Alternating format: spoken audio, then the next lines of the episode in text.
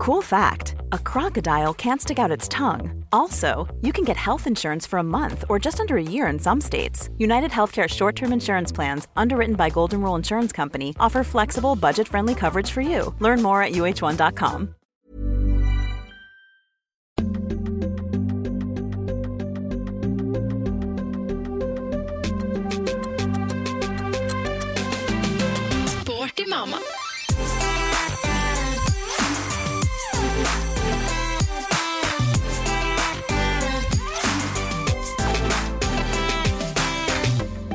Hallo, alle sammen, og hjertelig velkommen til en ny episode av Sporty mamma. Jeg sitter faktisk nå helt aleine på kjøkkenet mitt og venter på at selveste Melina Magulas skal banke på døra her. Eh, Jeg har gjort klar kaffen og gleder meg sånn skikkelig mye til eh, dagens tema, som er utholdenhetstrening. Hanna er dessverre ikke på plass eh, med oss her i dag. Jeg sa at hun kunne ta seg velfortjent fri, siden hun da neste uke skal eh, prate med en annen sporty mamma når ikke jeg kan være til stede. Så da løste vi det sånn denne gangen her. Dagens tema er som sagt utholdenhetstrening. Eh, Jeg håper jo og tror at dette her kommer til å bli en veldig lærerik eh, og morsom episode, hvor du som lytter skal få en bedre innsikt i blant annet hva utholdenhetstrening er, og hvorfor det er viktig, samt hva du bør tenke på når det kommer til utholdenhet både under graviditet, men også etter fødsel. Vi skal også få tips fra Melina for hva man bør tenke på når målet er å forbedre utholdenheten. Og avslutningsvis i episoden så skal Melina også svare på noen lyttespørsmål som har kommet inn. Eh, det er jo veldig Dette her kommer til å bli en kjempespennende episode, så åh, jeg ser så frem til dette her. Jeg håper at eh, du også som lytter koser deg gjennom hele episoden. Så ja, da er det vel bare å si at eh, man skal spisse ørene og høre etter. Ta fram notatblokka. Her kommer det helt sikkert veldig masse nyttig informasjon. Melina er jo Dette med utholdenhetstrening er jo Melinas fagfelt, så hun er ekstremt dyktig på akkurat det temaet. Så her er det mulighet for å, å lære masse. Så jeg kjører en jingle, jeg, så skal jeg få inn Melina på kjøkkenet her, og så gønner vi på. Yes! Velkommen så mye til kjøkkenet mitt, Melina. Tusen takk, Lotte. Det er så hyggelig at du ja, tok deg tid eh, og ønsket å komme og prate med meg i Sporty mamma. Selvfølgelig gjorde jeg det. Jeg zooma ned på sykkelen, jeg. Det gjorde var det, ja. kjempefint å få komme hit. Og så fikk jeg møte lille Erik. Ja da, veldig det gjorde du også. Mm. Så det var veldig fint. Jeg føler liksom at vi kjenner hverandre litt fra før av, selv om ikke vi har hengt så mye fysisk sammen. Mm. Men du har jo fulgt meg opp eh, både på, ja, på trening eh, Når jeg hadde som mål back in the days å løpe både fem og ti kilometer Mm. litt Jeg vet hva du har i deg. Ja. det er bra. Det kan godt hende jeg kontakter deg igjen etter hvert. Det er jo veldig sånn fan av løping enda, jeg. Så Mhm. har vi også møttes litt eh, hos Hanna på selskap, i selskap eh, hos henne og sånn. Litt sånn her og der. Og litt sånn på treningseventer.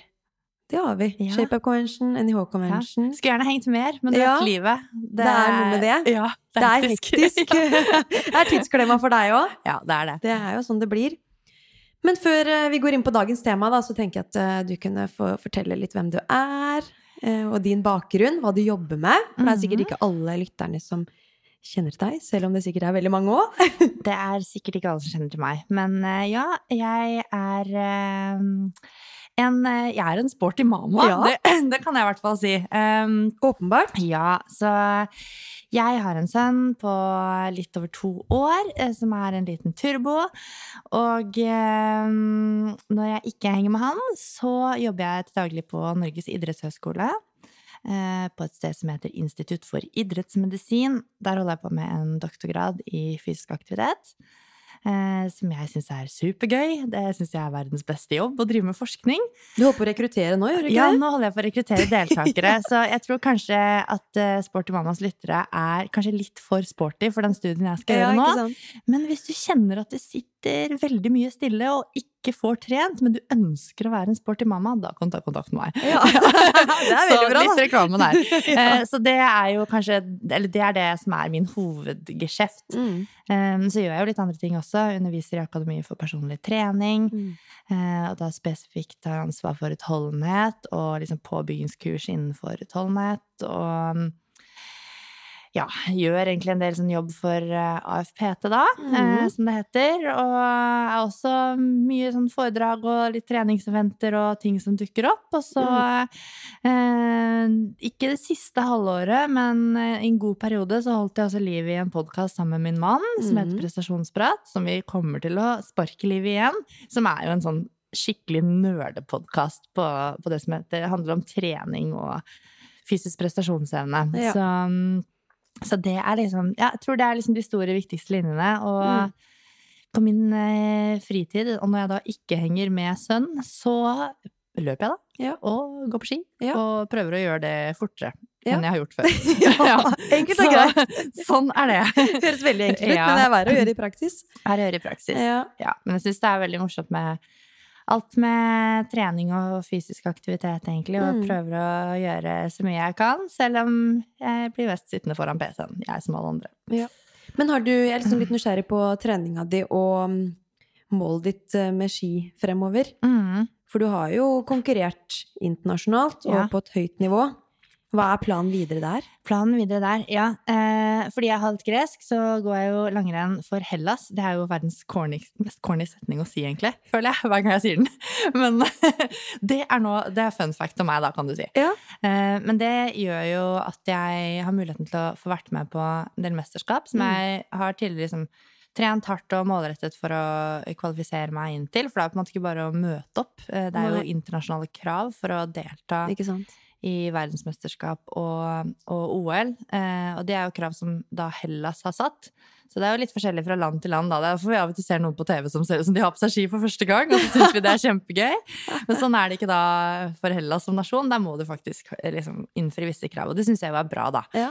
Så, mm, så jeg har jo fått deltatt i, eh, i flere VM.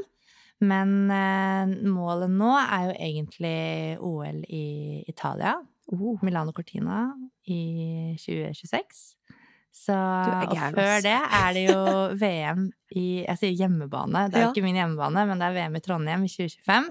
Tenk deg det, da. VM i Norge i langrenn. Altså, det, du blir ikke mer sjukestue enn det, liksom. Dit må jeg, kjenner jeg. Ja, vi må Har du et par ekstra billetter, eller? Og afterski, ikke sant. Alt. så, så jo da. Så det er eh, målene, da. Så det er jo mm, noe som jeg planlegger sammen med da, min mann, som er eh, langrennstrener. Eh, han er jo riktignok trener Han er utøver som er ganske mye bedre enn meg, i og med at han har herrelandslaget Ja. eh, på distanselaget der. Men, em, men det er jo på en måte noe vi planlegger sammen, for det Mm. er jo sånn som i alles liv en familielogistikk. Ja. Og han reiser jo 250 døgn i året, og jeg tar en doktorgrad som ikke er en jobb som er 8-4-jobb. Og vi har et barn, og jeg eh, skal trene. Dere skjønner da at min trening er mest prioritert i vår familie. Skjønner ikke åssen det går opp, i den kabalen der. Nei, det går jo på en måte egentlig ikke helt opp. Så det blir litt sånn som jeg alltid har gjort når jeg har satset på ski, er at det er ikke langrenn som er hovedtingen i mitt liv. Det er jo en hobby jeg har, som Mm. er en ganske seriøs hobby. Ja. Eh, Men all annen tid eh, bruker jeg jo for å bli bedre i langrenn. Og når jeg trener, så velger jeg primært treningsformer som trekker meg nærmere Mm. målet. Ja. Men jeg setter ikke liksom liv og lemmer på spill og himmel og jord i bevegelse Nei. for å få det til. Jeg kan strekke meg ganske langt og Mm. gjøre en del reiser og Mm. gå litt sånne eh, nøye utvalgte konkurranser for å kvalifisere meg inn. Ja. Eh, samtidig så vet jeg jo sånn eh, Hvis jeg hadde satset enda hardere og kanskje droppa mye sånn jobbting og ambisjoner på jobbfronten, så hadde jeg jo klart å eh, kvalifisere meg null stress. Mm. Eh, men jeg ønsker ikke det. Jeg har lyst til å gjøre alt. Ja. Så jeg prøver egentlig å do it all, da. Ja. Som er jo ikke en anbefaling man prøver å gi til folk, men eh, samtidig så er det sånn Jeg har klart det før, da. ja. Nei, det er sinnssykt imponerende. Du har jo så mange baller i luften. Det Er det, han, er det mannen din som styrer treningsopplegget ditt nå, da, eller? Eh, nei, det er Nei. det ikke. Og det er ganske lenge siden det egentlig har vært det. Ja. Eh, jeg startet jo med en annen trener enn han, en som han er Sverre Kaas, som nå er trener for um, skiskytterjentene. Eh, for vi fant ut at det er kanskje ikke så lurt å være kjærester og trener og liksom kan bli et rolleblanding. Men etter Mhm. hvert så var det jo veldig sånn det er veldig praktisk å ha treneren in house, for da kan du ta sånne kjappe diskusjoner on the go. Da, og løse problemer og skal jeg trene sånn, føler meg litt Mm. slik, kanskje jeg blir rolig litt ned. Da, Ja. da ordner du det liksom raskt opp i det. Det gjør man. Um, men vi har jo samme fagbakgrunn, liksom, som idrettsfysiologer, så det er Ja. ikke noe grunn til at jeg ikke skal sette opp min egen trening. Nei.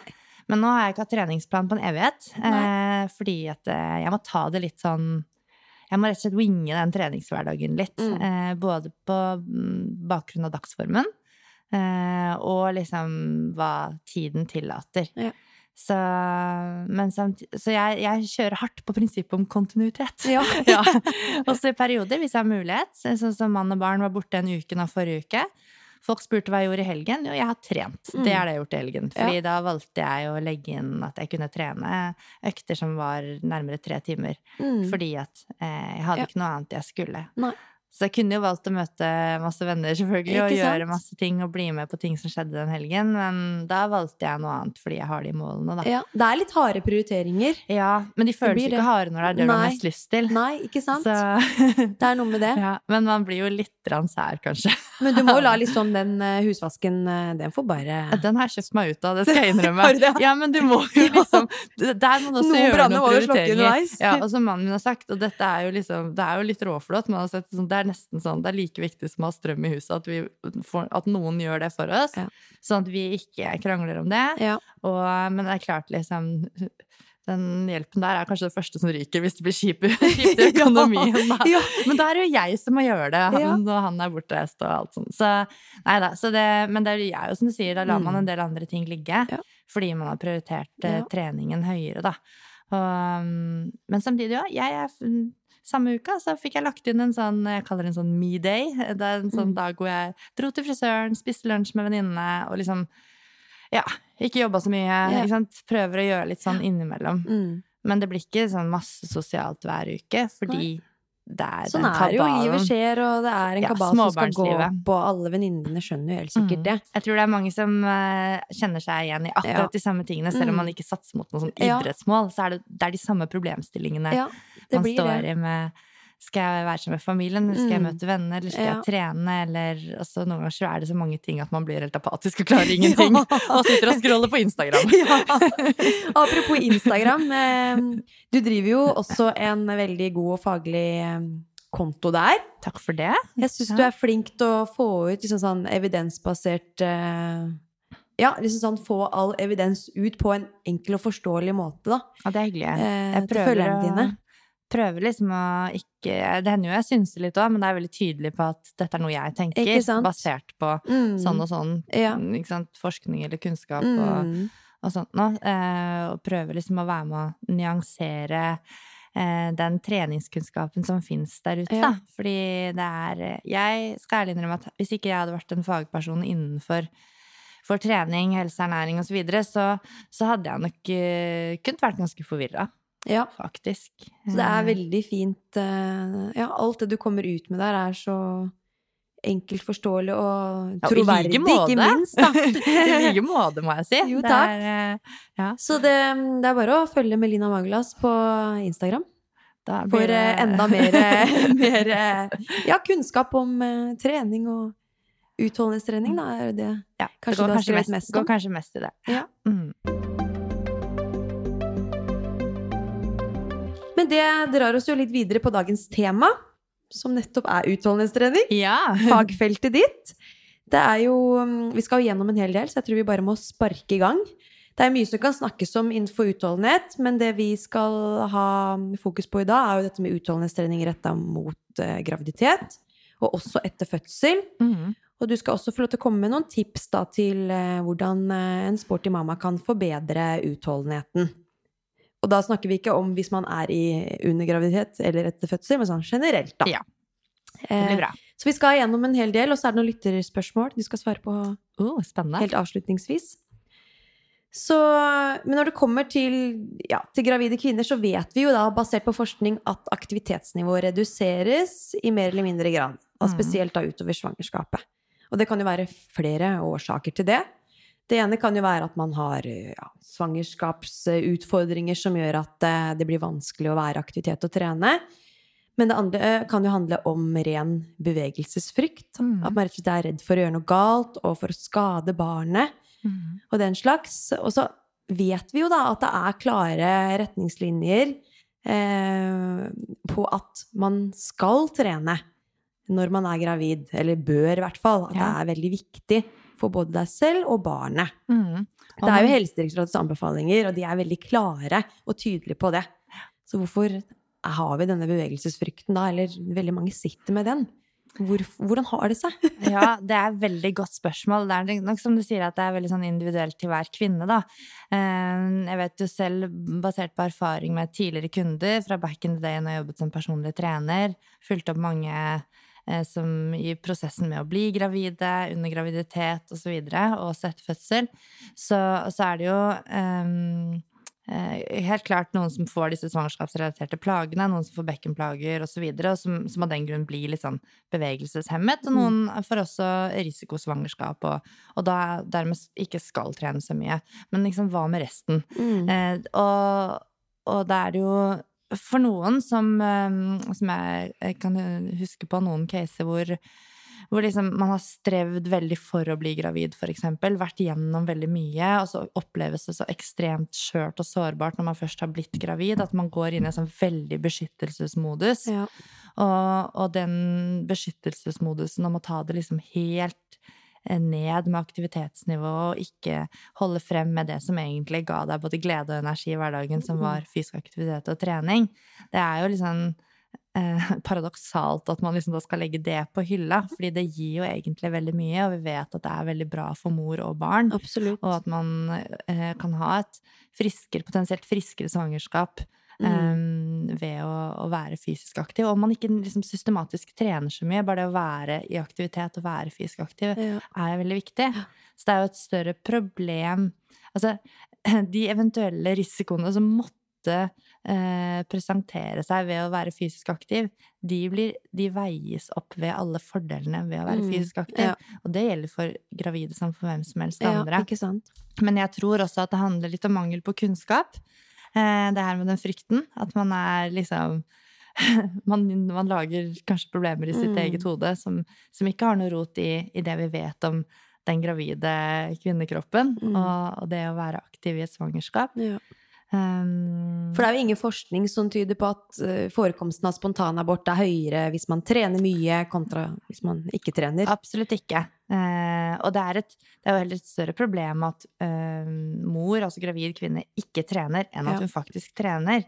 Og det skal, altså det skal ekstremt mye til å trene for mye òg. Ja. Det, det skal jo det. det. Ja. Og det styrer seg litt selv, Ja. med tanke på energinivå Mm. og ja, og alle de tingene der. Men det er jo litt sånn at eh, det er klart Når man er liksom i første trimester, mange føler seg jo kjempetrøtte, noen er litt kvalme. Mm. det er klart Da tar man det kanskje mer med ro, man har mer behov for å Mm. sove. ja, energinivået er jo ganske så Ja, jeg husker jeg gikk hjem fra jobb sånn klokka ett-to noen dager bare for å sove. Bare for å få gjort noe her, liksom. Man føler seg helt i koma. Ja, men man burde jo nesten her, eh, hatt en sånn, ikke sykemelding, for det er ikke, det er ikke så positivt ladd, man burde hatt en sånn gravidmelding. Ja. Sånn der, hjernen virker ikke akkurat Nei. nå, må sove, Ja. sayonara, Ja. Vær så god, gå hjem og legg deg litt. Plukker opp eh, om eh, snakkes om tre måneder, liksom. Mm, ja. altså, sånn er det jo for noen, Ja. i, spesielt i første trimester. Og da når aktivitetsnivået reduseres, så kan man, en del kan også havne, det kan vi alle kjenne oss igjen i, man kan havne inn i en sånn, litt sånn spiral hvor du, du faller ut av treninga, ut av fysisk aktivitet, og så er det vanskelig å plukke det opp igjen. Ja. Så når du da går inn i andre trimester, og kanskje liksom, magen har begynt å vokse, man blir, kjenner at det blir, alt blir tyngre, Mm. puster litt tyngre, litt tettere i nesa, alle disse tingene som gravide kvinner kan kjenne seg igjen i, så kan det også liksom oppleves som vanskeligere å faktisk komme i gang igjen nå. Ja. Så det har litt med de vanlige mekanismene, det å falle ut av aktivitet og komme i gang igjen, tror jeg, da. Mm. Så det kan være en del av bildet. bildet. dørstokkmila blir bare Ja, den blir øker bare, øker så det og, øker. og jeg husker jeg var eh, Og så er det jo selvfølgelig også en del helsepersonell som ikke er tilstrekkelig godt nok opplyst om at de eh, det er de samme anbefalingene for fysisk aktivitet som gjelder for gravide kvinner, som gjelder for alle andre. Og det er å trene styrketrening to ganger i uken. Det er å være fysisk aktiv 150 minutter på Mm. moderat intensitet. Så det Mm. er liksom litt grann pust og pes hver eneste uke. Så det er de, akkurat de samme tingene som gjelder, med mindre liksom det er noe annet som foreligger som gjør Ja. at du ikke får gjort det. Ja. Så Nei, Ja. det, er, det er jo Ja. Det er noe å tenke over, og Det er det. så viktig at man prøver så godt man kan å få til noe form for trening, da. Jeg husker jeg kom til en eh, Jeg var på sånn tidlig ultralyd, for jeg var så nysgjerrig. Ja.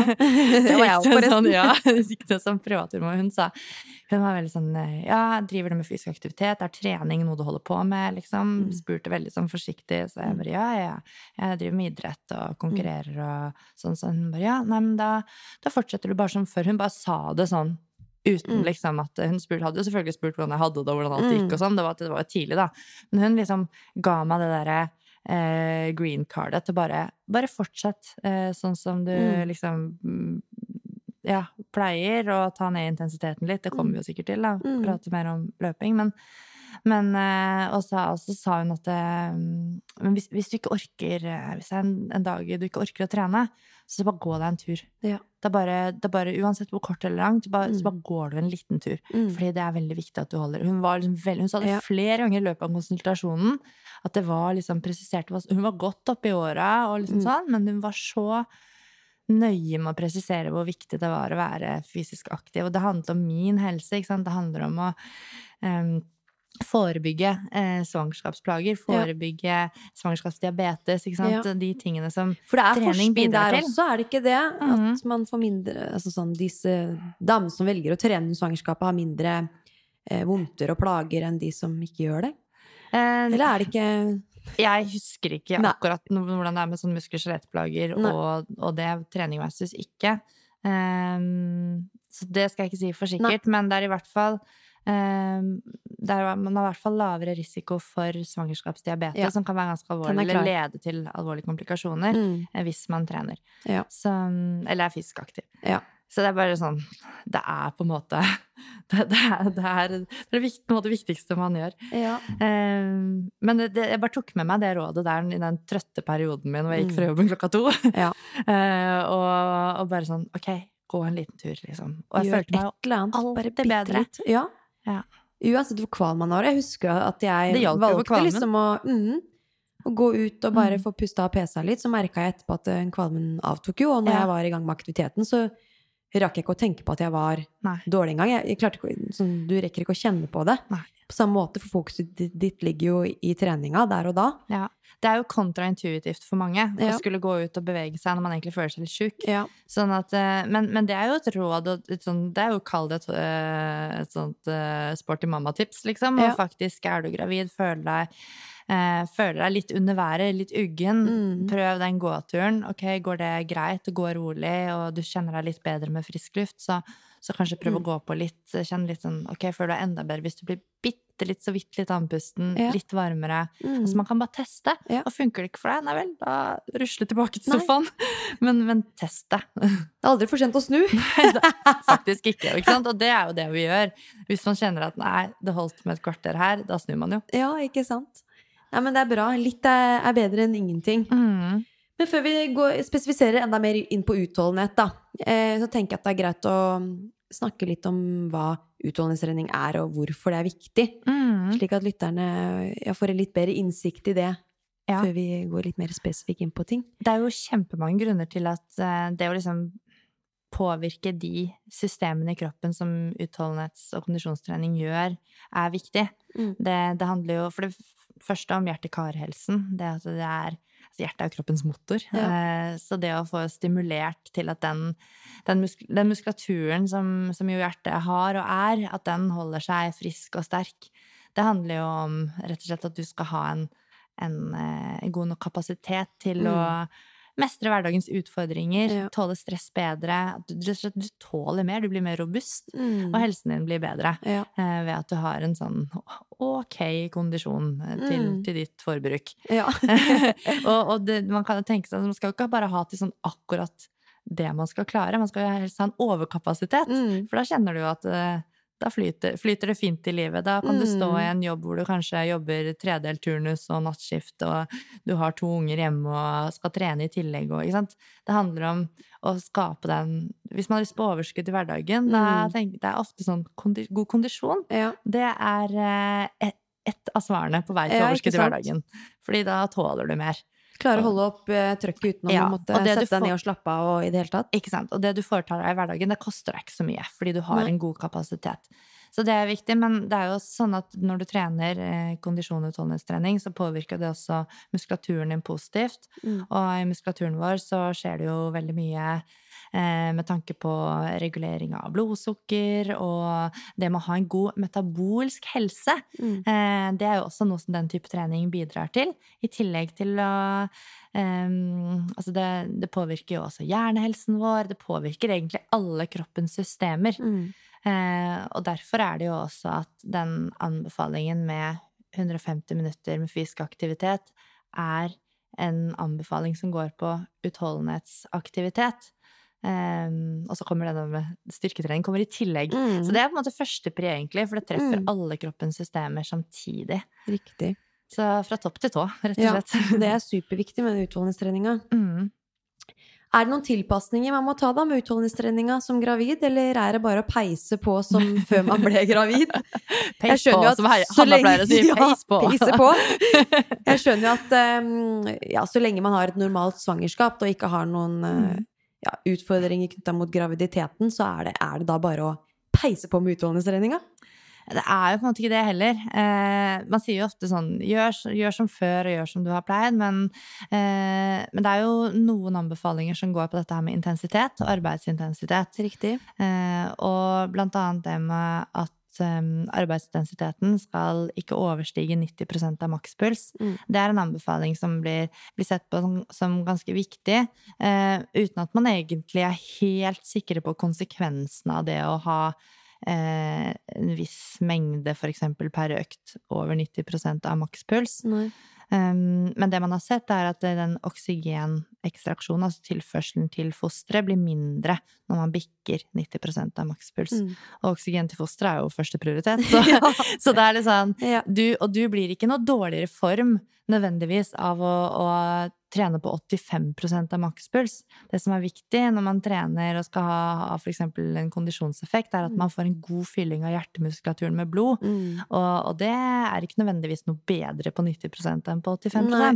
så, så man må liksom legge litt fra seg kanskje en del kvinner som er vant til å trene mye og systematisk utholdenhet, eller Mm. å bruke pulsklokka liksom litt inni den Mm. greia der, med at den, den eh, sone fem, som vi kaller den, Ja. og, øverst i sone fire, alt som går på over 90% av makspuls, Mm. det må man legge fra seg så fort Ja. man finner ut at man er gravid, og det handler om et føre-var-prinsipp Mm. skal jeg være så ærlig og innrømme at jeg har løpt testløp. Eh, et testløp som het Blodsliteren, for øvrig. ja. eh, sånn når jeg var rett den uka før jeg fant ut at jeg var gravid, tror jeg. Ja. Og da kjente Da fikk jeg underveis i løpet så fikk jeg en sånn hunch om at her er det et eller annet som er annerledes. Jeg roa ikke ned for det. Men jeg bare fikk en sånn på vei opp de bakkene, våre som motbakkeløp, at det, det er et eller annet i kroppen som er Ja. annerledes. Jeg, mindsetet mitt er Jeg tenker på andre ting her nå Mm. enn- Det var Du er ikke helt deg sjøl, Nei, jeg liksom? var ikke helt meg selv. Nei? Så rar den Eh, følelsen her også. Kjempemerkelig. Så, men eh, Og det er klart, det var jo beintøft eh, løp, liksom, og, og sånn, og ga liksom alt, da. Peisa på. Eh, og så er det jo sånn Jeg kan ikke gå og ha dårlig samvittighet eller skamme meg eller være redd fordi den ene økta gikk over 90. Mm. Um, men det er klart, liksom Føre-var-prinsippet, det, Mm. det inntreffer så Mm. fort du finner ut at du er gravid. Ikke sant? Og det er um, det, Man kan jo relatere til det samme som? Mange har jo kanskje eh, kommet i skade for å ta seg et glass alkohol eller to før man fant ut at man var gravid òg. Ja. Men når du finner ut at du er gravid, det er klart da, da blir det hvite måneder fra og med da. Sånn at man gjør så godt man kan. Mm. Ja. Så, men, men nødvendigvis konsekvensen av det av å trene på veldig høy intensitet, det vet man ikke så mye om. Man tror jo det både kjern, økt kjernetemperatur kan ha noe å si, kanskje, og dette med oksygen Mm. eh, ekstraksjon eller tilførsel til foster. Um, men det skal starte opp en ekstremt spennende studie nå på gravide. Det er en kollega av meg som heter eh, Emilie Mass Dalhaug, som um, som eh, holder på med en eh, doktorgrad. Det kan være så feil etternavn nå, men hun heter i hvert fall Emilie. Ja. Vi har to Emilie skjønner du, på samme seksjon. Og hun eh, skal gjøre et ekstremt spennende studie på gravide kvinner med temperaturmåling underveis og oksygenopptak og Oi, oi, så dette Spennende. er liksom eh, Det, er Det trenger vi.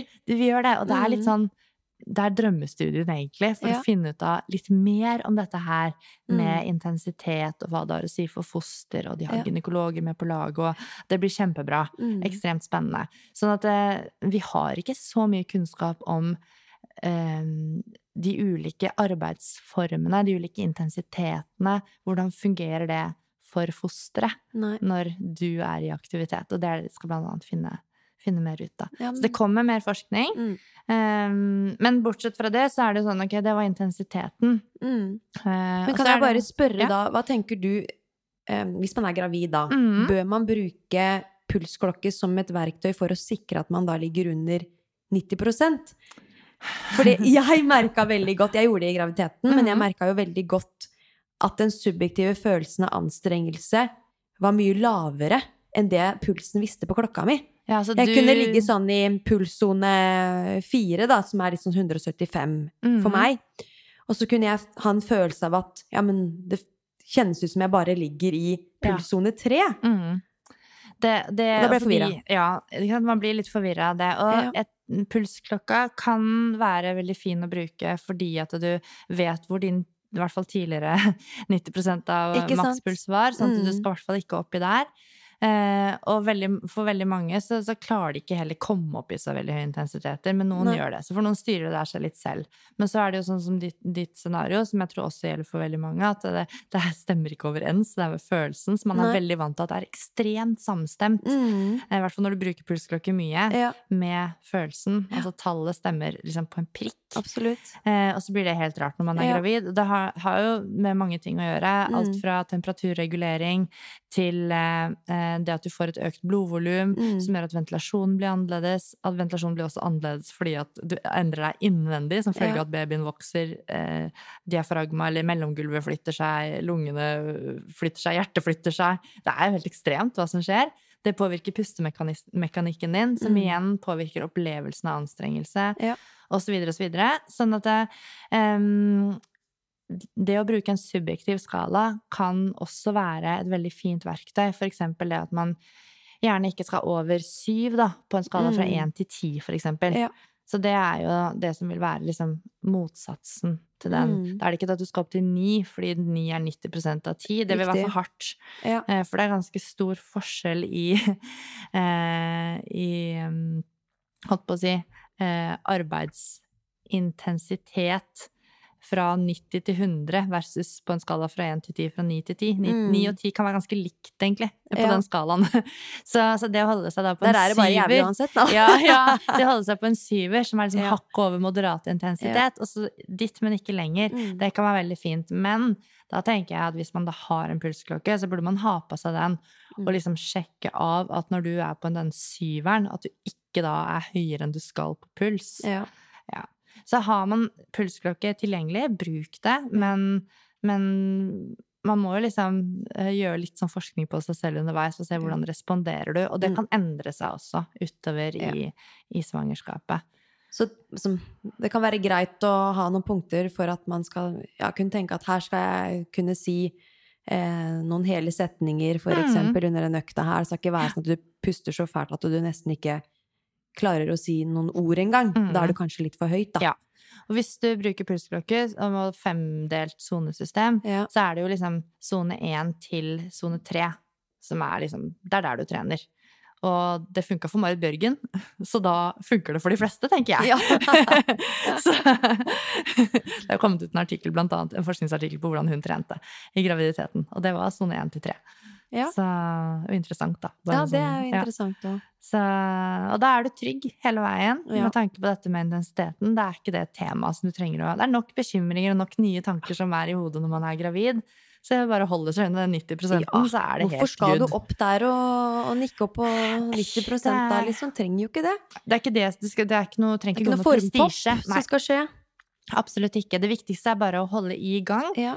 Eh, og og hold, prøve å holde kontinuiteten. Så er det jo mange som går ned på treningsmengden også, når vi snakka mye om intensitet, da. Ja. Men for mange så går man litt naturlig ned på treningsmengden utover i svangerskapet, og det er jo også naturlig fordi man kanskje tåler ikke like stor belastning som man gjorde før som følge av at det blir bekkenendringer osv. Ja. Men det kommer veldig an på hva slags type treningsform man driver med. Mm. Noen driver med mer sånn low impact-type trening. Hvis man for eksempel eh, sykler, eller kanskje man driver med crossfit og kan planlegge øvelse, øvelsene sine annerledes, Mm. da. Så er det kanskje lettere enn om du bare driver med løping, ikke sant. Mm. Så, og de som for eksempel driver mye med løping, da kanskje man burde eh, Så sier vi ofte sånn jeg ikke begynner med noe nytt, men kanskje man faktisk må begynne med noe nytt. Kanskje man må over på litt andre apparater eh, for å trene det man har lyst til. Ja. Eh, fordi at eh, det er kanskje ikke bærekraftig for alles kropper å, å løpe helt inn til termindatoen, liksom. Men hvis du kjenner at kroppen kjennes fin ut, og du løper, men da må man også ta, ta, ta høyde for at teknikken vil jo være annerledes. Du vil jo Mhm. fly litt mer fremover etter hvert, og så Ja. kanskje tilegner du deg en annen bevegelsesbane som Ja. på sikt kan skape litt Eller der og da plutselig kan skape noen problemer fordi at man flytter litt på, Tyngdepunktet, på og- og sånn. og Ja, det, sånn. det kan jo være tilfellet. Det kan være tilfellet. Og så tenker jeg også på det at det blir mer og mer press ned på bekkenbunnsmuskulaturen. Den er jo på en måte sånn oppheng i, i et sånn lite, lite reisverk inni, Mm. inni bekkenet der. Og, og det blir jo mer og mer press og mer og mer utfordring for bekkenbunnsmuskulaturen. Ja. Ikke bare under trening, men, men gjennom eh, hele døgnet. Ja. Eh, sånn at eh, det er jo også noe som, som man må eh, ta hensyn til, da. Ja. Og, og det, ikke sant? Hvis man føler seg helt fin, hvorfor skal man gjøre noen justeringer? Der kan du også kanskje trekke inn litt føre var-prinsippet. Et viktig treningsprinsipp er, som, som du kjenner veldig godt til også, er jo det med prinsippet om å unngå skade.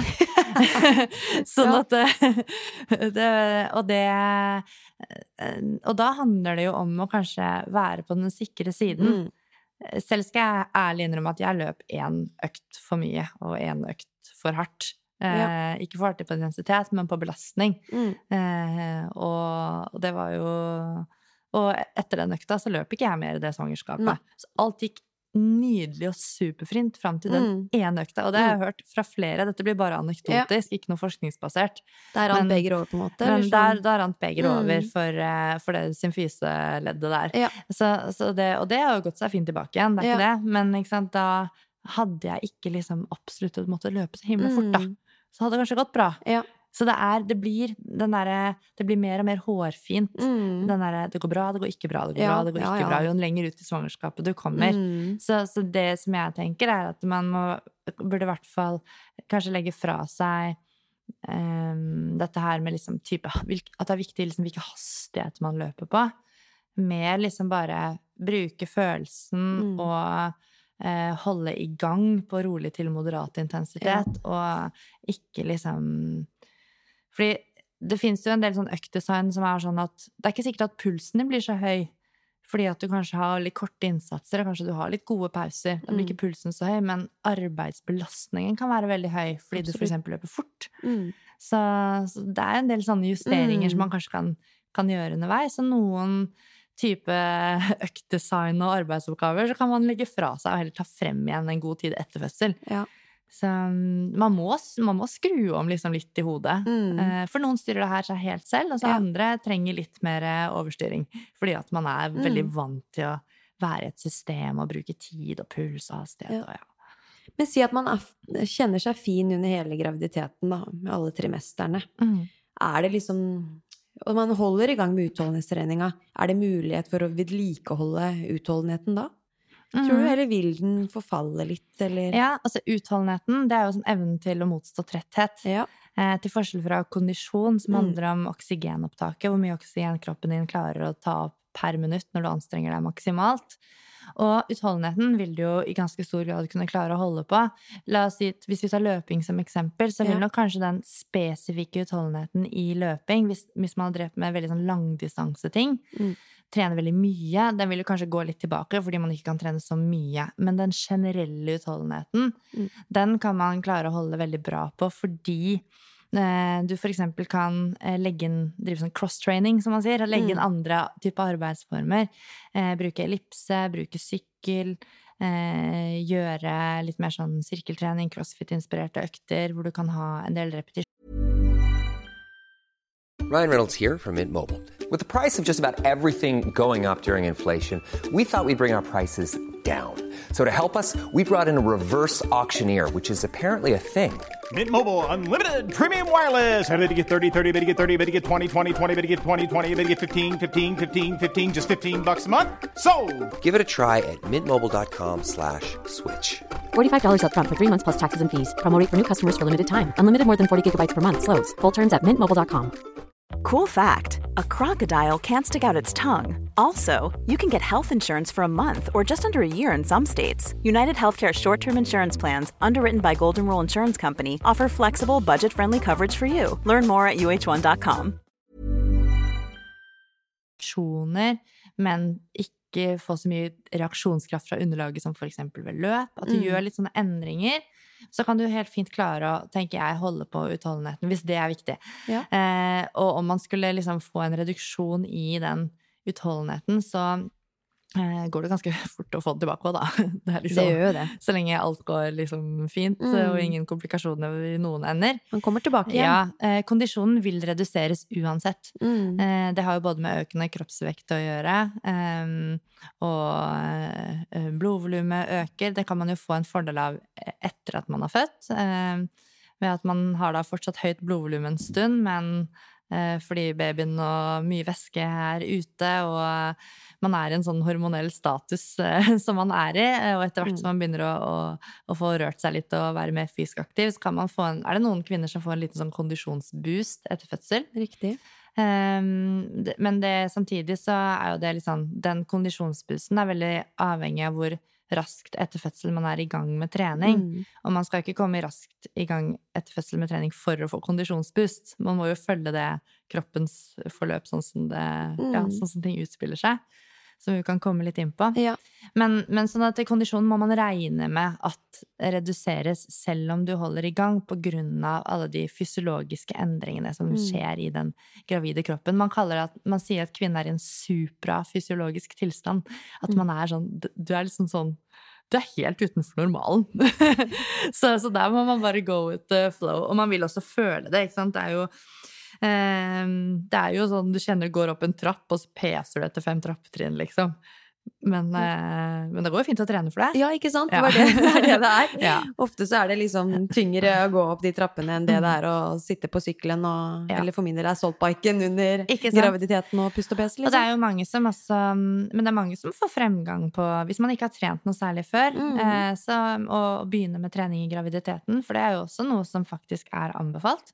Mm. Eh, hvis, du ikke, hvis du ikke trener allerede, eller er fysisk aktiv allerede, har blitt gravid, begynn å være fysisk aktiv. Mm. Det er en, en klar anbefaling. Eh, sånn at eh, Og da begynner man jo selvfølgelig med aktiviteter som er eh, trygge og gode, og trapper gradvis opp osv., men det er klart man kan få en, en fremgang i, i fysisk form Mm. hvis man ikke har vært eh, noe særlig aktiv. Ja. Så, mm, så det Ja, det kommer litt an på treningsstatus også. Absolutt. Nivået du er på, Ja. rett og slett. ja. Men eh, jeg er litt sånn nysgjerrig på hvordan eh, du trente under graviditeten, jeg, som eh, idrettsutøver. Ja, det var, det var mye trening. Det Ja. var det. Eh, Jeg gikk på rulleski, og jeg løp eh, fram til litt ut i tredje trimester, da den berømte én økt for mye inntraff. Men bortsett fra det, så, så løper jeg jo eh, løper en del motbakke, fordi det gir ikke så mye mm, belastning på bekken og bekkenbunn. Nå hadde ikke jeg noe bekkenproblematikk før det traff på den ene økta. Mm. Men, eh, og det gikk fort bort igjen, så det var ikke noe, noe big deal. Sånn at, eh, så jeg løp på en måte egentlig litt sånn det jeg ville. Eh, hadde rolige langturer eh, som jo ble kortere enn de ellers ville vært, fordi det gikk saktere på grunn Ja. av både vekt og pust og alt. Eh, men eh, intervallene holdt jeg veldig på. Mm. Eh, reduserte selvfølgelig på intensitet, men hadde mine faste sånn fem ganger fem motbakke Mm. Og gjorde de tingene der. Eh, og så kom jo etter hvert eh, covid. Jeg fikk jo barn i 2020, våren 2020, så da er det sikkert flere som kan relatere seg til hvordan det var. Spennende tider. Eh, da fikk jeg jo være så heldig å få lånt meg en ellipse som jeg plasserte midt i stua, for det var jo ikke noe treningssenter. Det og, fikk jeg med Yes, så da var det mye intervaller på ellipse. Mm.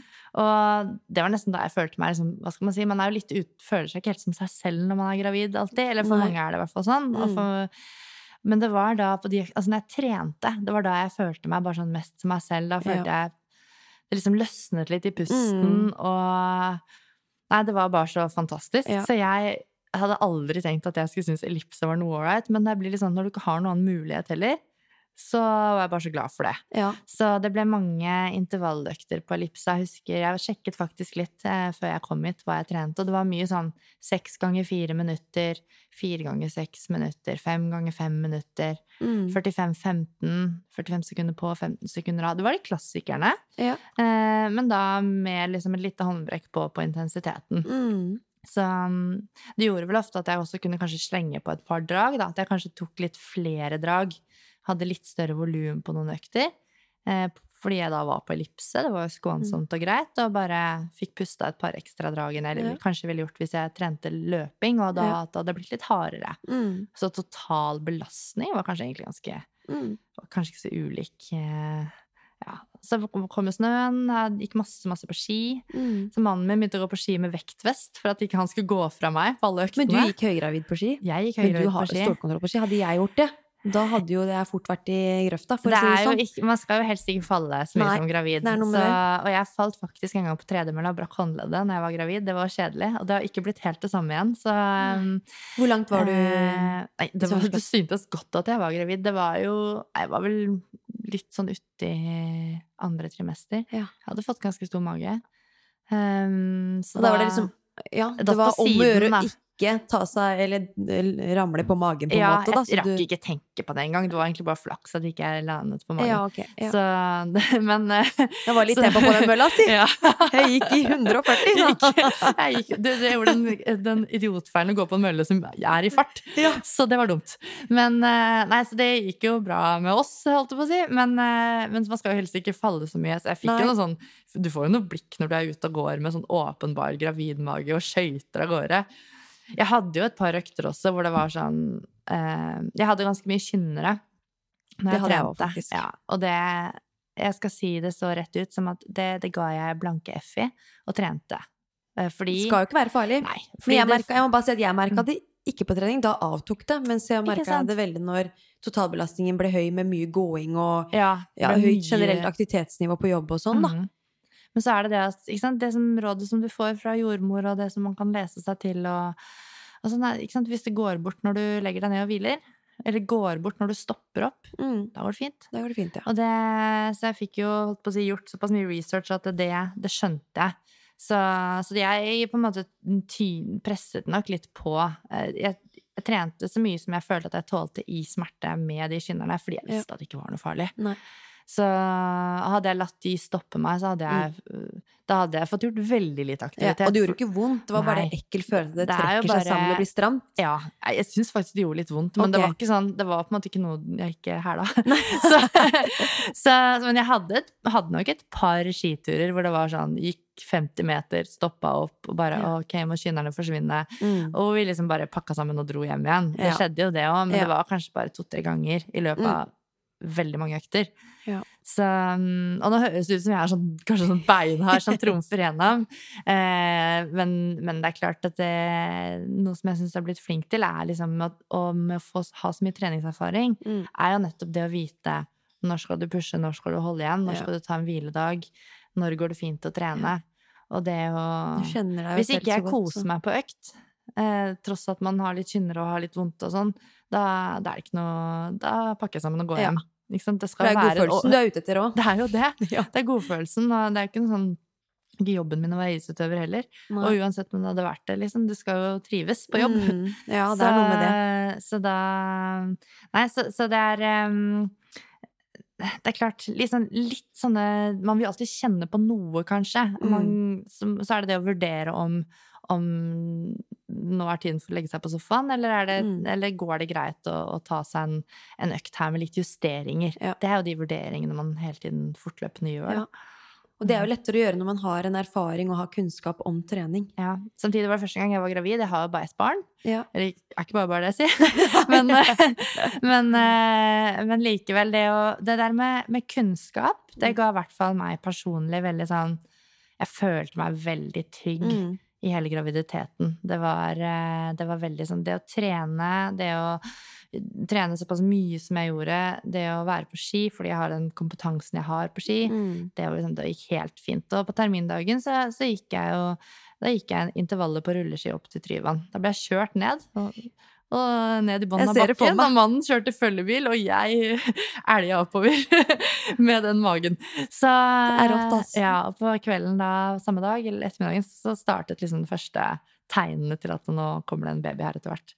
Så, så det er eh, utrolig hva som Jeg bare får sånn ærefrykt overfor altså hva kvinnekroppen klarer. Det er jo superklisjé å si det, men bare det å oppleve å kunne gjøre det jeg elsker å gjøre, Mm. eh, og holde i gang med det som, som gir meg glede og aktivitetsglede, samtidig som du faktisk får bake en baby. Det er jo helt Mm. fantastisk å få Ja, det er to Man føler seg jo som en skikkelig superhero. Ja, jeg følte meg, ikke helt, jeg Ja. følte meg helt rå. Da er du rå, vet du, når Ja. du går oppover der. Så ikke gikk det fort, og jeg har noe film, og det var ikke Det er som du sier, det Beck nå. Man tror ikke man endrer så mye bevegelsesform. Når jeg har sett liksom film av meg selv løpe og, gå på ski og sånn, jeg ser jo at jeg har en helt annen teknikk. Og det, ikke sant, som du var inne på Og så det, vet du hvordan du løper, så du har et bilde av deg selv i hodet Ja, som ser helt annerledes ut enn hvordan du gjør. Det var litt mer sånn gakkak, ja. men, eh, men, men jeg er veldig sånn Det er utrolig hva som går an, og så skal man jo kjenne sin egen komfortsone. Og, og det er ikke tiden for å gå langt utafor komfortsona og liksom eh, legge prestisje i ting. Men det er heller ikke tiden for å liksom gå helt i hi og, og, og Mm. legge seg Nei. brakk i leiligheten for å, for å liksom ruge. Nei, ikke ligge og ruge, nei. Nei, og det er ingen dyr som ligger og ruger heller, for øvrig 24-7. Sånn Nei. at eh, det, Men tror du Jeg vet ikke, det er, det er vel ikke mulig å sette i gang en fødsel akkurat med trening.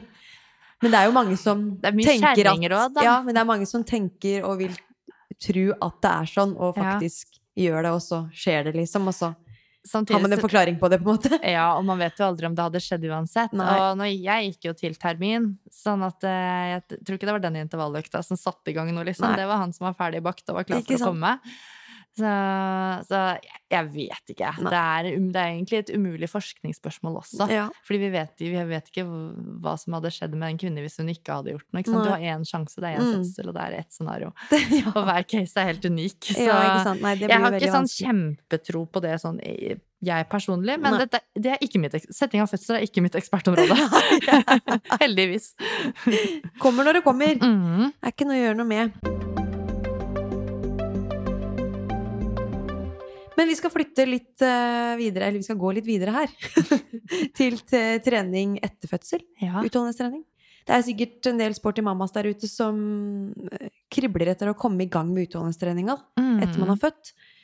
Enten det er løping, sykling eller annen form for aktivitet. Ja. når kan man starte som smått? Ja. Og hvordan bør man gå fram for å bygge seg gradvis opp igjen? Det finnes Tenker jo, Ja, tenker jeg. En ting er hva jeg tenker, da, Ja. men det fins noen retningslinjer Ja. som er eh, Det er jo en ekspertgruppe som eh, består av forskere og fysioterapeuter som har utarbeidet noen, noen sånne guidelines for hvordan man kan komme tilbake til spesifikt løping. Da. Og løping er jo den mest krevende utholdenhetsaktiviteten med tanke på de reaksjonskreftene som virker på deg fra underlaget når du treffer bakken med mer enn tre-fire ganger din egen kroppsvekt. Mhm. Sånn at det Da tenker jeg sånn Ok, følger du de retningslinjene, så er det i hvert fall gjort noen gode grep for å få en trygg retur tilbake til trening og fysisk aktivitet. Så tenker jeg også man kan jo eh, relatere de samme retningslinjene til andre bevegelsesformer også. Mm. Um, men det er jo, som dere har snakket om i podkasten her før, anbefalt å vente seks uker før man begynner med trening. Ja. Så er det noe gjort, en, ikke mye, men litt forskning på hvordan eh, kvinner opplever det. Og mange kvinner opplever det som at det er for lenge å vente rett og slett med å begynne med fysisk aktivitet og trening. Ja. Og så er det noen som trenger mye lengre tid. Det er så Eh, individuelt, det Ja, og det kan være av psykologiske årsaker, det kan være fysiske, fysiologiske årsaker. Det kan være ulike grunner til at man syns ting tar for lang tid, eller at uh, man ikke er klar for å løfte, en lille, løfte noe annet enn babyen eh, på, på noen gode uker enda. Mm. Og det kan også ha med hvordan fødselen forløp seg å gjøre. Enten det var vaginal eller keisersnittfødsel, Ja. så er det jo veldig forskjellig. Um, men, men det, jeg syns det er interessant at en, en, en, eh, en god porsjon kvinner føler at det var for lenge å vente. Mm. Um, så hva som gjør at vi er utålmodige, det, det vet ikke jeg. Det er sikkert litt forskjellig. Jeg var litt, litt utålmodig selv. Men um, egentlig så anbefales det ikke å begynne å løpe før det har gått nærmere tre måneder. Sånn at man har en Mm. sånn At man starter egentlig, kall det liksom uke null, da, eller uke én, eh, på vei til disse seks ukene. Da kan man jo begynne med bekkenbunnsøvelser, man kan begynne med bekkentiltøvelser, eh, eller bekkentucks. Og, en del sånne forskjellige typer aktiveringsøvelser, Mm. eh, pusteøvelser som hjelper til med å aktivere bukmuskulaturen, som jo har blitt Mm. strukket kjempemye og har eh, ligget litt i brakk på sett og vis med tanke på den funksjonen den hadde før. Mm. Så det å få i gang liksom bukmuskelfunksjonen, eh, trene muskulaturen rundt bekken, eh, skuldre, armer, rygg eh, Det handler jo mer om liksom aktivering og styrketrening, Mm. Eh, og også relære kroppen. Eh, hvordan, hvordan, skal, hvordan skal disse musklene fungere? Eh, fordi at selve sånn, den nevromuskulære signaleringen, den er jo også litt annerledes. Mm. Basert på hvordan ting blir strukket og dratt i, og også hormonell status. Så, så de seks ukene er jo Hvis man kjenner at man er klar for å gjøre fysisk aktivitet, så handler det først og fremst om de tingene der. Mm. Og da er det jo Ja, det er jo først og fremst bekkenbunnsøvelser. Core-øvelser. Mm. Eh, og det du kan gjøre for eh, si, det kardiovaskulære, utholdenheten, det er å gå. Mm. Det er rett og slett liksom gå, med, og trille med vogna. Mm. Og, og man får effekt av det. Ja. Eh, sammenlignet, I hvert fall sammenlignet med å ikke gjøre det. Mm. Så, og det er jo ikke alle som føler at de Noen har vondter og ting og tang med bekkenet som gjør at det ikke er noe særlig godt å gå på en god del uker heller. Ja. Så det er liksom eh, uke skal vi se, Jeg skal ta fram de guidelinesene, så jeg Mm. sikkert ikke sier noe feil her. Men uke 0 til 2, da er det det jeg nettopp nevnte med bekkenbunn, core og gange.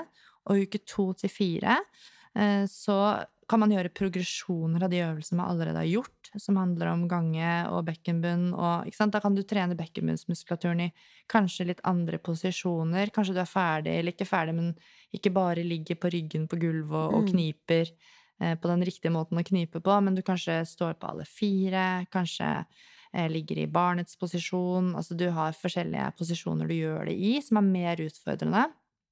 Eh, og så kan man begynne å introdusere eksempel knebøy, eh, kanskje teste noen type utfall. Eh, det er bridging, det handler jo om eh, sånn bekkenhevøvelser. Det Mm. tenker jeg også hvis man det tror jeg nok jeg selv, ja, hofteløft tror jeg nok jeg selv jeg begynte med sånn uke to, liksom. Ja. Ehm, litt for å gjøre de bekkenbunnsøvelsene litt interessante for meg selv der. Ja. Ha sånn supersett, da, Ja, det må skje noe bevegelse her. Ja, det skje noe Kan her, ikke bare liksom. knipe. Nei, så det var sånn ok, ett sett med kniping, og så tar vi ett sett med glute bridge, Ja. og så litt sånn. Mm. Uh, og så er det uke fire til seks. Da begynner man kanskje å introdusere mer sånn low impact uh, treningsformer, sånn som uh, at man går litt på ellipse, man kanskje sykler, ro litt. Em, og ja. Eh, og så skal man jo også eh, kjenne at man er komfortabel i de tingene som jeg nå nevner, for å Ja. ta det et hakk videre. For Ja. det her er jo bare en guideline. Så hvis man ikke er komfortabel med f.eks. Å, å gå, da, eh, så, så hopper du liksom ikke på neste steg, selv om du har kommet til uke fire. Nei. Da må du være på det nivået som du er på, til det er bra. Eh, og, og jobbe derfra. Og uke seks til åtte, og da har vi altså faktisk kommet til uke seks, eh, da handler det om å begynne med, hvis man har hatt eh, keisersnittfødsel, begynne med litt sånn armmobilisering, kanskje. Mm.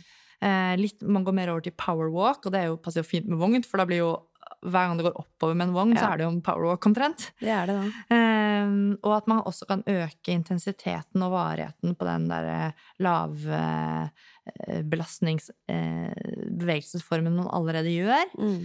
Um, begynne med litt sånn eh, markløftsbevegelser og øvelser, både med baby og med ytre vekt. Med gradvis progresjon. Mm. Um, og da anbefaler de f.eks. at man bare bruker vektstang, og ikke legger på vekter ennå. Det tenker jeg også, det er jo en guideline. Det er jo individuelt hvordan buk er, bekken er, Mm. og styrke og alt.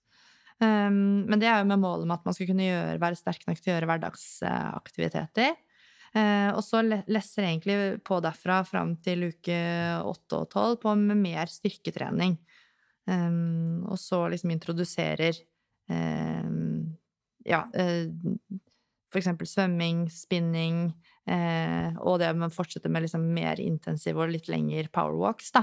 Og da har det, blitt, da har det gått tolv uker, faktisk. Og svømming og spinning og sånn er jo litt mer skånsomt for ledd. Mye mer. Og ellipse og sånn. Ja. Og det, det har med å sant, Hvorfor skal det være sånn? Det har jo med å gjøre de med, altså med det som skjer f.eks. under en vaginal fødsel, med hvilke strekk og press eh, som legges på eh, forskjellige strukturer relatert til bekken og bekkenbunn. Ja. Um, og eksempel om man har fått rifter, grader av rift, eh, type rift, uh, sydd sånn og slik. Det er jo Mm. liksom mange hensyn å ta. Um, og ved keisersnitt så er det jo litt andre hensyn enn vaginalfødsel, men det er likevel samme anbefaling av forløpet, men bare ulik bakgrunn. Mm. Um, så da må man jo også vurdere liksom, ok, hvordan er remodelleringen av livmorarret, eller Mm. tilhellingen av livmorarret. Mm. Da har man f.eks. sett at ved ultralydundersøkelser eh, at den arrtykkelsen på livmorarret eh, fortsatt øker seks uker etter fødsel. Altså det Mm. er fortsatt Det Det jobbes der. fortsatt for å tilhele. Mm. Selv om man ikke ser det utenpå, selv om man Nei. ikke kjenner det. Sånn at det er Man kan føle seg helt fin og klar til å begynne å løpe uten at alt er liksom helt på plass. Mm. Ja.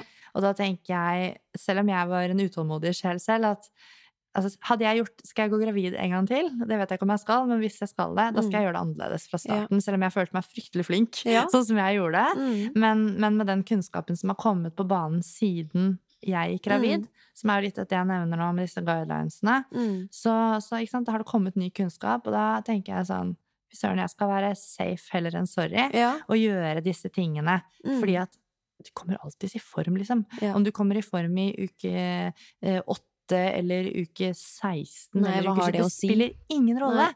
Poenget er at du får en trygg og god vei dit, Ja. sånn at du kan fortsette et aktivt og godt Mm. treningsliv videre, Ja. og ikke tuller det til på veien. ja. Det er så, sant, det der. Ja. Å ha den Men jeg vet også veldig godt hvordan det er. Ja. det bare Man kribler jo i kroppen, vet du. Og det bare, jeg holdt på å begynne å grine jeg, den første løpeturen jeg hadde alene i skogen uten vogn. Ja, fordi du var så overlykkelig? Jeg var bare så lykkelig. Bare, jeg tenkte bare, husker jeg løp der, bare gira opp farten og tenkte bare, Ja. I'm back, Ja, bitches! back, Liksom, jeg var skikkelig sånn høy på meg selv. Men jeg skal ærlig innrømme at den løpeturen den ble tre kilometer for lang. Ja. Ikke sant? Da kom det litt sånn symfysevondt snikende Mm. på igjen. Og du Så- bare nei, brister det bære? Ja, brister det bære. Jeg måtte jo hjem, da, så det var liksom ikke noe valg. Men ikke sant? Da, ikke sant? da ble du litt sånn etterpåklok. Så det her handler jo om igjen føre var, bygge deg sterk opp Mm. innenfra og ut, lappe kroppen sammen. Ja. Og ting tar lengre tid enn du tror, selv om ikke det syns eller kjennes.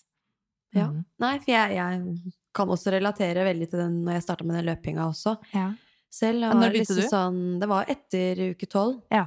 Flink, da var jeg jo Ja, jeg var helt Men jeg var, hadde jeg en type da som holdt i trådene med Nå kommer du tilbake her, liksom. Skal ikke gjøre det og det og det. Ja, men det er godt å Så ha en han sånn. satte ned foten, da. Jeg Ja. er jo helt elektrisk, vet du. Ja. Men da var det litt sånn Ja, prøve fem minutter på mølla, bare helt sånn superrolig. Mm. Ok, det gikk greit. Ti minutter neste gang. Økte med fem, da. Det var Gradvis mye. progresjon. Nei, det gjorde det vondt etter åtte minutter. Kjente det litt i liksom sånn arret rundt Ja. og sånn. Det var et eller annet som ikke stemte helt. Mm. Og da gikk jeg selvfølgelig rett av mølla og Ja. tok fem, fem dager fri fra mm. noe som helst testing av løping. Så gikk jeg på igjen da, og da gikk det plutselig bra med ti Ja. minutter. Og sånn. Det hadde gått noen helt jeg dager. litt frem, og så måtte jeg rygge litt tilbake. Og sånn. Men Ja. jeg tok signalene, da. Det skal jeg ha. Ja. Og jeg, jeg ja, gikk ikke over, overgikk ikke meg selv eh, på smerte der. Og så fort jeg kjente noe, så var det opp, rett av. Mm. Og så skal, klart, det skal noe til å liksom volde seg selv ordentlig skade også. Ja. Men, men det er sant? Man skal gjerne ha god livskvalitet og god Ja. funksjon, og da, da er man jo heller tjent med å gjøre det litt sånn som du Mm. gjør det. Liksom prøve seg litt frem, og aldri sånn veldig langt over streken. Nei. For da er det kort vei tilbake til at Mm. alt er bra igjen. Ja. Så, så det, det tror jeg er veldig, veldig fint. Og det er jo, så hvis man kjenner at man har liksom, noen symptomer på et eller annet, da skal man bare liksom stå helt Mm. av med en gang. Og er man usikker på veien videre, så må man heller få litt hjelp, da. ja. Rett og slett. Men uh, det er en veldig spennende tid, da. Både Mm. det å, synes jeg, å trene som gravid, ekstremt spennende. Uh, synes jeg Plutselig var det gøy å trene styrke. For en sånn Ja. løper som meg, så har ikke det alltid vært liksom favoritten. Men Nei. jeg syns det var supergøy. Og Mm. lagde meg litt sånn styrkeprosjekt, fordi, litt fordi jeg ikke kunne løpe så mye òg.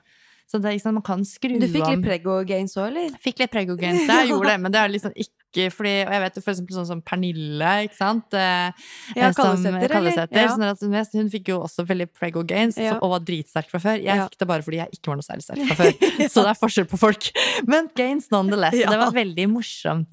Så man kan jo lage seg noen nye treningsprosjekter Mm. eh, i graviditeten også. Og være, liksom, det blir en kjempespennende reise. Og etterpå masse Det er jo spennende å liksom Mm. Ok, du blanke ark. Og jeg har bestemt Mm. meg selv for liksom sånn Jeg har jo veldig mange løpt mye testløp, ikke sant, og har mange tester på mine mine prestasjoner eh, før gravid, men jeg tenkte liksom sånn nå bare sletter jeg Jeg bare sletter det nesten fra hukommelsen. Jeg har det selvfølgelig lagra et sted på dataen, men, eh, men, eh, men jeg sletter det liksom nærmest sånn Det er blanke ark, altså, Ja. etter fødsel. Mm. Er det liksom Du starter Du starter ikke nødvendigvis på scratch hvis, hvis man har fått trent bra i svangerskap og sånn, eh, og alt går fint, men, men likevel så er det du skylder deg selv nesten det å Mm. ikke sammenligne deg selv med, med gamle rekorder, og Mm. liksom Og andre, ikke minst. minst. andre, kjempegodt poeng, men Mm. se fremover og ja, litt sånn eh, Selv om ikke kanskje all, all trening er like morsom trening i den perioden, nyter litt den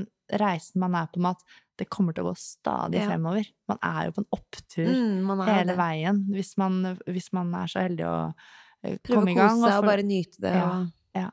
og etter hvert, etter hvert mer. blir det egentid, den treninga. Mm. Det er jo mye med baby i starten. Ja. Um, ja. Det det er kommer en tid hvor det løsner, og du får tid til å Ja. være deg sjøl aleine på gym igjen, holdt jeg på å si. Ja, hvis det er det som Det har du begynt med nå. Ja. Ja. Nydelig. Så det er eh, Men jeg anbefaler virkelig, og kanskje dere kan linke til denne artikkelen som Mm, det skal vi gjøre. eh, i episodebeskrivelsen Ja, deres. For den er, den er jo skrevet til eh, klinikere, eh, egentlig, til de som Men jeg tror nok også eh, lekkvinnen kan, eh, Mm. kan lese den og, og forstå liksom Ok, når skal, jeg, når skal jeg ta kontakt med noen? Ja. Eh, er dette meg? Føler jeg det sånn? Mm. Eh, har jeg fulgt dette? Det er en sånn flowchart man kan bruke for å se hvor man er hen. Mm. Så ja, den er beregnet på klinikere, men jeg tror likevel liksom disse, disse kulepunktene med guidelines og sånn, de er veldig nyttige å, å lene seg på. Da har Mm. man i hvert fall et rammeverk da, Ja. å gå ut ifra. Ja, den er kjempebra. Mm. Knall, knall. Ja, Vi må gå litt videre her. Jeg ser Yes. tiden flyr jo fra oss. Å, Vi kunne jo prata til i morgen ja tidlig. hvis vi. Nå er jo neste det å kunne gi litt tips da til eh, sporty mammas der ute som ønsker å forbedre utholdenheten. Ja. Sikkert mange av det. Mm. Mange der. Så hva, hva tenker vi hvis vi skulle gitt sånn ja, Nå vet jeg ikke hvor mange tips du har tenkt å gi, men Ja, hvor lang tid har du? Nei, nei, nå må vi Men begynne hvis vi å runde av. tenker sånn spesifikt retta mot kondisjonen, da. Mm. Tips til å forbedre den. Ja, og da er vi ikke vi gravide mer- lenger, og vi Nei. er eh, ikke postpartum-perioden. Korrekt. Ikke sant? Nei, da er det jo Hvis man skal Kondisjonen er jo kanskje Hvis du er, som de fleste sporty mammas, litt i tidsklemma eh, Det gjelder ikke bare mammas, selvfølgelig, men tenker jeg jo at eh, hvis du må prioritere på dette med innenfor utholdenhet og kondisjon, så tenker jeg at når du er i perioder og har dager hvor du har godt overskudd, så er det kondisjonstrening 100% som du skal prioritere. Og da er jo det um, treningsøkter hvor du puster og peser ganske godt. Da er du fra syv til ni og en halv på en skala fra én til ti. Og, og da rundt 85 til 95% av makspuls for de som bruker det. Så det er liksom Det er sånne quick fix-økter både for helsen og fysisk form, Mm. egentlig. Det tar jo kort tid. Eh, og da er jo mitt tips å finne noen økter som man liker.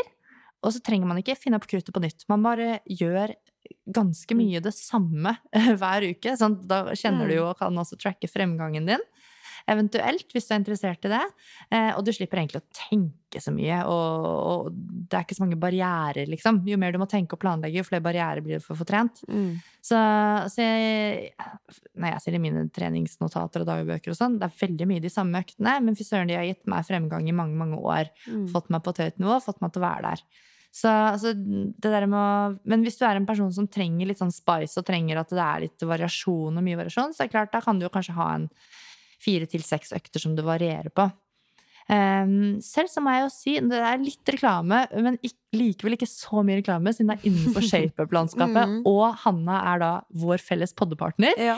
Så har vi jo to økter som ligger i um, Klar, ferdig maraton. Riktig. Eh, som er sånn økter som du kan ha på øret, Mm. eh, hvor vi coacher deg gjennom en økt.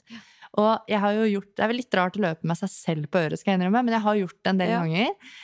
Og hvis du kjenner at du har liksom litt vondt i vilja, men kroppen Mhm. er egentlig ganske fresh til å trene, så vil jeg jo anbefale faktisk å slenge på en av de øktene. Mm. Og bare få noen til å coache deg gjennom det. Ja. Ikke tenke, bare gjøre. Bare reager på beskjedene du Mm. får. Det er veldig behagelig. Men de er retta mot løping, ikke sant? De er retta mot løping, men du kan, du kan Altså, de går på tid. Mm. Så det spiller ikke noen rolle om du Nei. løper, sykler, ror, hva som helst. Så Det er litt sånn viktig å vite at hjertet aner jo ikke om du sitter på en sykkel eller om du løper. Nei, Så kondisjonen din vil jo få Du får jo like god positiv respons på det er nettopp det. Så gjør den arbeidsformen du, du liker og gir mening for deg. Og hvis man ikke liker sånne type sånn eh, repetitive bevegelser som eh, ergometerarbeid, eh, Mm. romaskin, assault bike og Hvis man ikke, liksom, det er din eh, kopp te, og man er mer sånn inni eksempel at man har lyst til å kjøre eh, eksempel en sånn crossfit-inspirert type Mm. økt, så kan man bruke de samme tidsdomenene, som Mm. eksempel fire ganger fire minutter, Mm. to minutter pause, men legge opp øvelser som er eh, store muskelgrupper, Mm. dynamisk arbeid, og ikke for avansert teknisk, sånn at Ja. du kan holde en viss sånn syklusfrekvens på det. Altså du kan holde repsene Godt godt, i gang, godt tempo, det er en Mm. bedre måte å si det på. Um, og bruke liksom de samme arbeidsperiodene og pauseperiodene Mm. som vi ofte setter opp typisk løpeintervaller. Mm. For det er som du sier, at hjertet vet ikke hva du driver med, Nei. og det er hjertet du primært um, liksom går etter. Ja. Og musklene får selvfølgelig trent i samme slengen. Ja. Eh, de blir jo også utholdenhets- Mm. og kondisjonstrent. Så det, og den type økter, de trenger ikke ta mer enn halvtimen. Nei. Jeg har flere og flere sånne økter som er ja, kanskje på sånn 45 minutter. Mm. Eh, og hvis du har dårlig tid, dropp nedjogg. Og Ja. drit i det. Oppvarming, nei da. Litt kort oppvarming, litt oppvarming må man ha. Ja. Det er heller invester den Ja. i oppvarmingen hvis det kniper på, på tid. Men, eh, men bare drit i nedjogg. Mm. Eller nedvarming. Det er ikke så viktig. Ja, men det er supert. Mm. Eh, Så var det disse tre lyttespørsmåla som vi skal ta sånn avslutningsvis.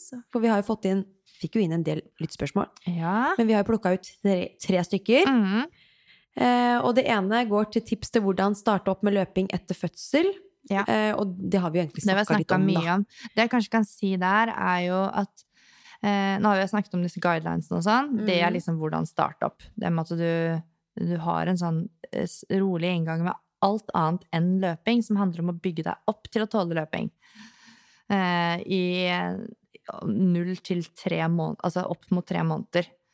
Um, og så tenker jeg også at når du først begynner å introdusere løping, for det har vi ikke snakket så mye om, du var litt inne på det, så er det jo dette her med å ha da intervallpreget arbeid på veldig lav intensitet. Ja. Med å bytte på å gå og jogge, og det er en fin ting å kunne gjøre med vogn også. Man kan støtte seg litt på vogna og, Mm. og sånn. Så, og da jeg husker jeg begynte selv også med det, at jeg kanskje Jeg gjorde det ikke på minutter engang. Jeg tror jeg løp sånn 20 steg, Mm. og så gikk jeg 10 steg, og så løp jeg 20, og så Mhm. etter hvert utvidet til 30. Og, eller du kan bruke ett minutt av og ett minutt på og sånn. Men at du liksom har veldig korte perioder Mm. eh, i starten som du etter hvert utvider. Og etter hvert så vil det naturlig gli over i mer og mer løping. Mm. Så når man skal begynne å faktisk introdusere løpsbevegelsen, så har jeg veldig tro på at man gjør det sånn. Også at man er nøye med å ikke løpe hver dag. Ja. Så Absolutt. ja, Og gjøre sine bekkenbunnsøvelser. Mm. Fordi det er press på bek bekkenbunnen i hvert eneste steg, og bekkenbunnen er svekket som et resultat av graviditet og fødsel. Så, så det som jeg tenker er viktig å si, er at hvis man kjenner noe som helst symptomer på noe dysfunksjon Mm. under økta eller etter økta, så skal du vente med løping. Mm. Og det kan være eksempel urininkontinens, eller Mm. at man føler at man holder på å bæsje på seg. Ja. Ehm, at det er vanskelig hvis du kjenner at du må skikkelig på do, at du ikke Mm. nesten klarer å stoppe det. Ja. Det, er veldig vanskelig for deg å stoppe det. Um, tyngdefølelse, nedpress uh, i, i bekkenet. Um, hvis man eksempel har uh, smerter ved, under samleie. Mm. Um, og også kjenner at man får smerter relatert til bekken og korsrygg, så er det symptomer på at ikke løp ennå. Så, og hva skal man gjøre med alt dette? Man kan jo Mm. gå til en, eh, en fysioterapeut som er spesialist på kvinnehelse og hashtag bekkensjekken. Mm. Og, Skal ikke kimse av den. nei, og trenger man å finne en sånn en, så kan man jo gå på quintet.no, Eh, tror jeg det er. I hvert fall QU Intet. Mm. Eh, og der er det en oversikt eh, med fysioterapeuter som har kompetanse på det her over hele landet. Så og det kan være skikkelig viktig eh, å gjøre. Mm. Mm. Og dette med fremfall, da. Det er jo noen som får det etter fødsel. Ja, det, det er det. Alle får jo litt Eller man får litt fremfall, men Mm. så er det det med liksom hvor mye er det. Ja. Det er jo Og det, det heter fremfall når vi sier det sånn, det er jo på en måte Det er jo i kategorien en prolaps, da. Eh, og det skyldes at man får et svekket bindevev og muskulatur i da bekkenbunnen, og det gir litt sånn slakkere opphengsapparat, rett og slett. Eh, og det kan føre til at organene synker litt ned. Så lett fremfall, det er helt normalt eh, under graviditet og etter Mm. fødsel. Men, men ikke noe mer enn et lett fremfall som etter hvert går gradvis tilbake. Så ehm, For det er jo lyttere som spør hvordan man skal gå frem da, hvis Ja. man ønsker å løpe til fødsel og har da fremfall. Da. Ja, og så tror jeg når du sendte meg det spørsmålet, så skrev hun at hun var i gang med kniping og bekkenbunnstrening. Ja. For det er jo det rådet man, man gir. Men da tenker jeg sånn, kniper hun riktig? Ja. Det er eh, For det er ikke bare å legge seg ned og knipe, Nei. det er en teknikk. Mm. Det er en måte å gjøre det på, som all annen styrketrening. Ja. Så det å få kvalitetssikkerhet, at du kniper riktig, det er Mm. faktisk viktig for å Ja. få effekt av den. Og at du slapper av riktig, at du Ja. slapper av helt. Imellom disse Ja, det er jo en spesifikk treningsøkt å Mm. få den eh, rehabiliteringen av, eh, av bekkenbunnen. Så det, det tenker jeg også uh, at man skal gå og se en, en kvinnehelsefysioterapeut som kan gjøre en vaginalsjekk Mm. Ja. om man, og coache deg Ja, på om du kniper riktig. Mm. Og jeg har drevet med, i, kraft av å være danser før, så driver man Mm. også med mye bekkenmunnstrening, for Ja. det er mye hopp og mye Og jeg trodde jeg var rågod på å knipe. Jeg var ikke så verst, men jeg hadde faktisk litt å gå på. Ja. Og det kan nok ha gjort en stor forskjell også Mm. i min egen retur til løping. Ja. Så, så det med å um, få en guide på at man kniper riktig, Mm. eh, at man kan få tilrettelagt rehabiliteringsopplegg med tanke på fremfallet, Mm. og at man kan bli testet skikkelig på en, på en ordentlig måte. Det, det tror jeg liksom Det er på en måte fremgangsmåten. Og så derfra vil du få individualisert tilpasning. Eh, med om Ja. Og det er mange, mange tiltak eh, som ikke jeg skal gå inn på, for det er ikke mitt fag, men, men man kan få hjelp med, Mm. med det her med prolaps og, og fremfall. Da. Ja. Men man skal ikke fortsette å løpe med tyngdefølelse i, og nedpress Nei. i, i bekkenet. nei. Det er bra. Mm. Siste spørsmålet, det var vi jo litt innpå i stad når du nevnte at du eh, hadde en del intervalltrening på ellipsemaskin Ja. når du var gravid. Men her er det i hvert fall en som spør om tips til intervaller. På ellipse, preggis uke 26. ja, det tenker jo Du kan trene egentlig akkurat de intervallene du har lyst til, så lenge ikke du går over 90% av Mm. makspuls, eller den syv på en skala fra én til ti. Mm. Så tren bare akkurat det du syns er gøy. Jeg Mm. så jo selv, som jeg nevnte, at jeg trente en del sånn seks ganger fire og eh, liksom ting mm. opp den gata der. Mm. Men du kan Da hadde jo du da seks eh, drag av fire minutter, ikke sant? Ja, med to minutter pause imellom. Ja. Så full eh, musikk og trøkk i stua på den Mm. der. Så, men det er Du kan jo trene sant, hva du vil. Nå nevnte Mm. jo en del type økter i sted. Eh, men, men det som jeg kan si sånn på generell basis, er jo at det, det kan være fint å ha et treningsvolum, altså den effektive intervalltiden, minus pauser, Mm. minus oppvarming, minus Ja. alt annet, som er et eller annet sted mellom 10 og 15 minutter. Ja. Så du klarer på et vis å bare samle opp det, da Ja. eh, med en økt som du syns er ålreit å gjøre, så, så har du en kjempefin eh, utholdenhets- og kondisjonsøkt Mm. der. For du får litt effekt på begge deler samtidig. Mm. Mm. Så er det ikke alt som kommer like fort opp i puls, men det faktiske arbeidet av intensitet vil jo være høyt. Ja, arbeidet ikke- teller òg, for det er jo en Mm. forsinkelse i, Mm. i pulsen relatert til det arbeidet du gjør. Det gjelder om du er gravid eller ikke. Ja. Um, sånn at uh, den, den pulsforsinkelsen, den, den må du på en måte se litt bort ifra. For eksempel hvis du skal trene fire ganger fire, så har du ikke 16 minutter på høy intensitet, for Nei. det tar ett til ett og et halvt minutt å komme seg opp dit. Mm. Så, så det handler om Det er sånn viktig poeng der, Lotte, med at arbeidet du gjør, teller. Mm. Selv om pulsen ikke driver og vaker eh, oppe på den sjueren Mm. eh, i fire hele Mm. minutter fra start. Så det er den effektive tiden eh, som vi regner med, da. Ja. I de planlagte dragene. Mm. Ja, men det er bra. Ja! Du, nå er vi 1 time og 15 her. Så nå må vi avslutte. meget dårlig tid til Ja. et møte, men det, jeg har jo sykkel. Ja, Elsykkel, det. så det går bra. Og da går du unna.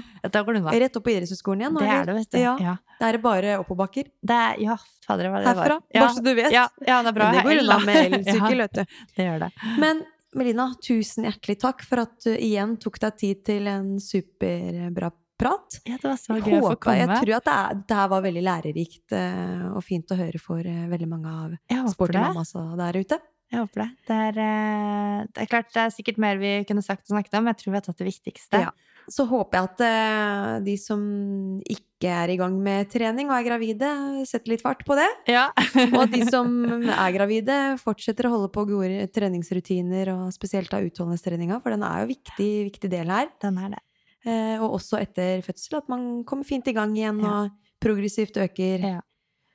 øker belastning og, og det som er for å komme Mm. tilbake og ikke ta noen for, forhastninger.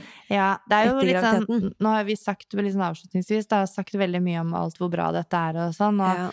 og da tenker jeg jo, eller jeg vet, at det er alltid noen som vil liksom ikke føle så positivt på det, fordi man føler at det blir veldig sånn press på å trene. Mm. Men jeg er ikke redd for å legge litt press på at eh, gravide kvinner skal være fysisk aktive. Nei, Om du ikke nødvendigvis trener, og at det er så systematikk på alt.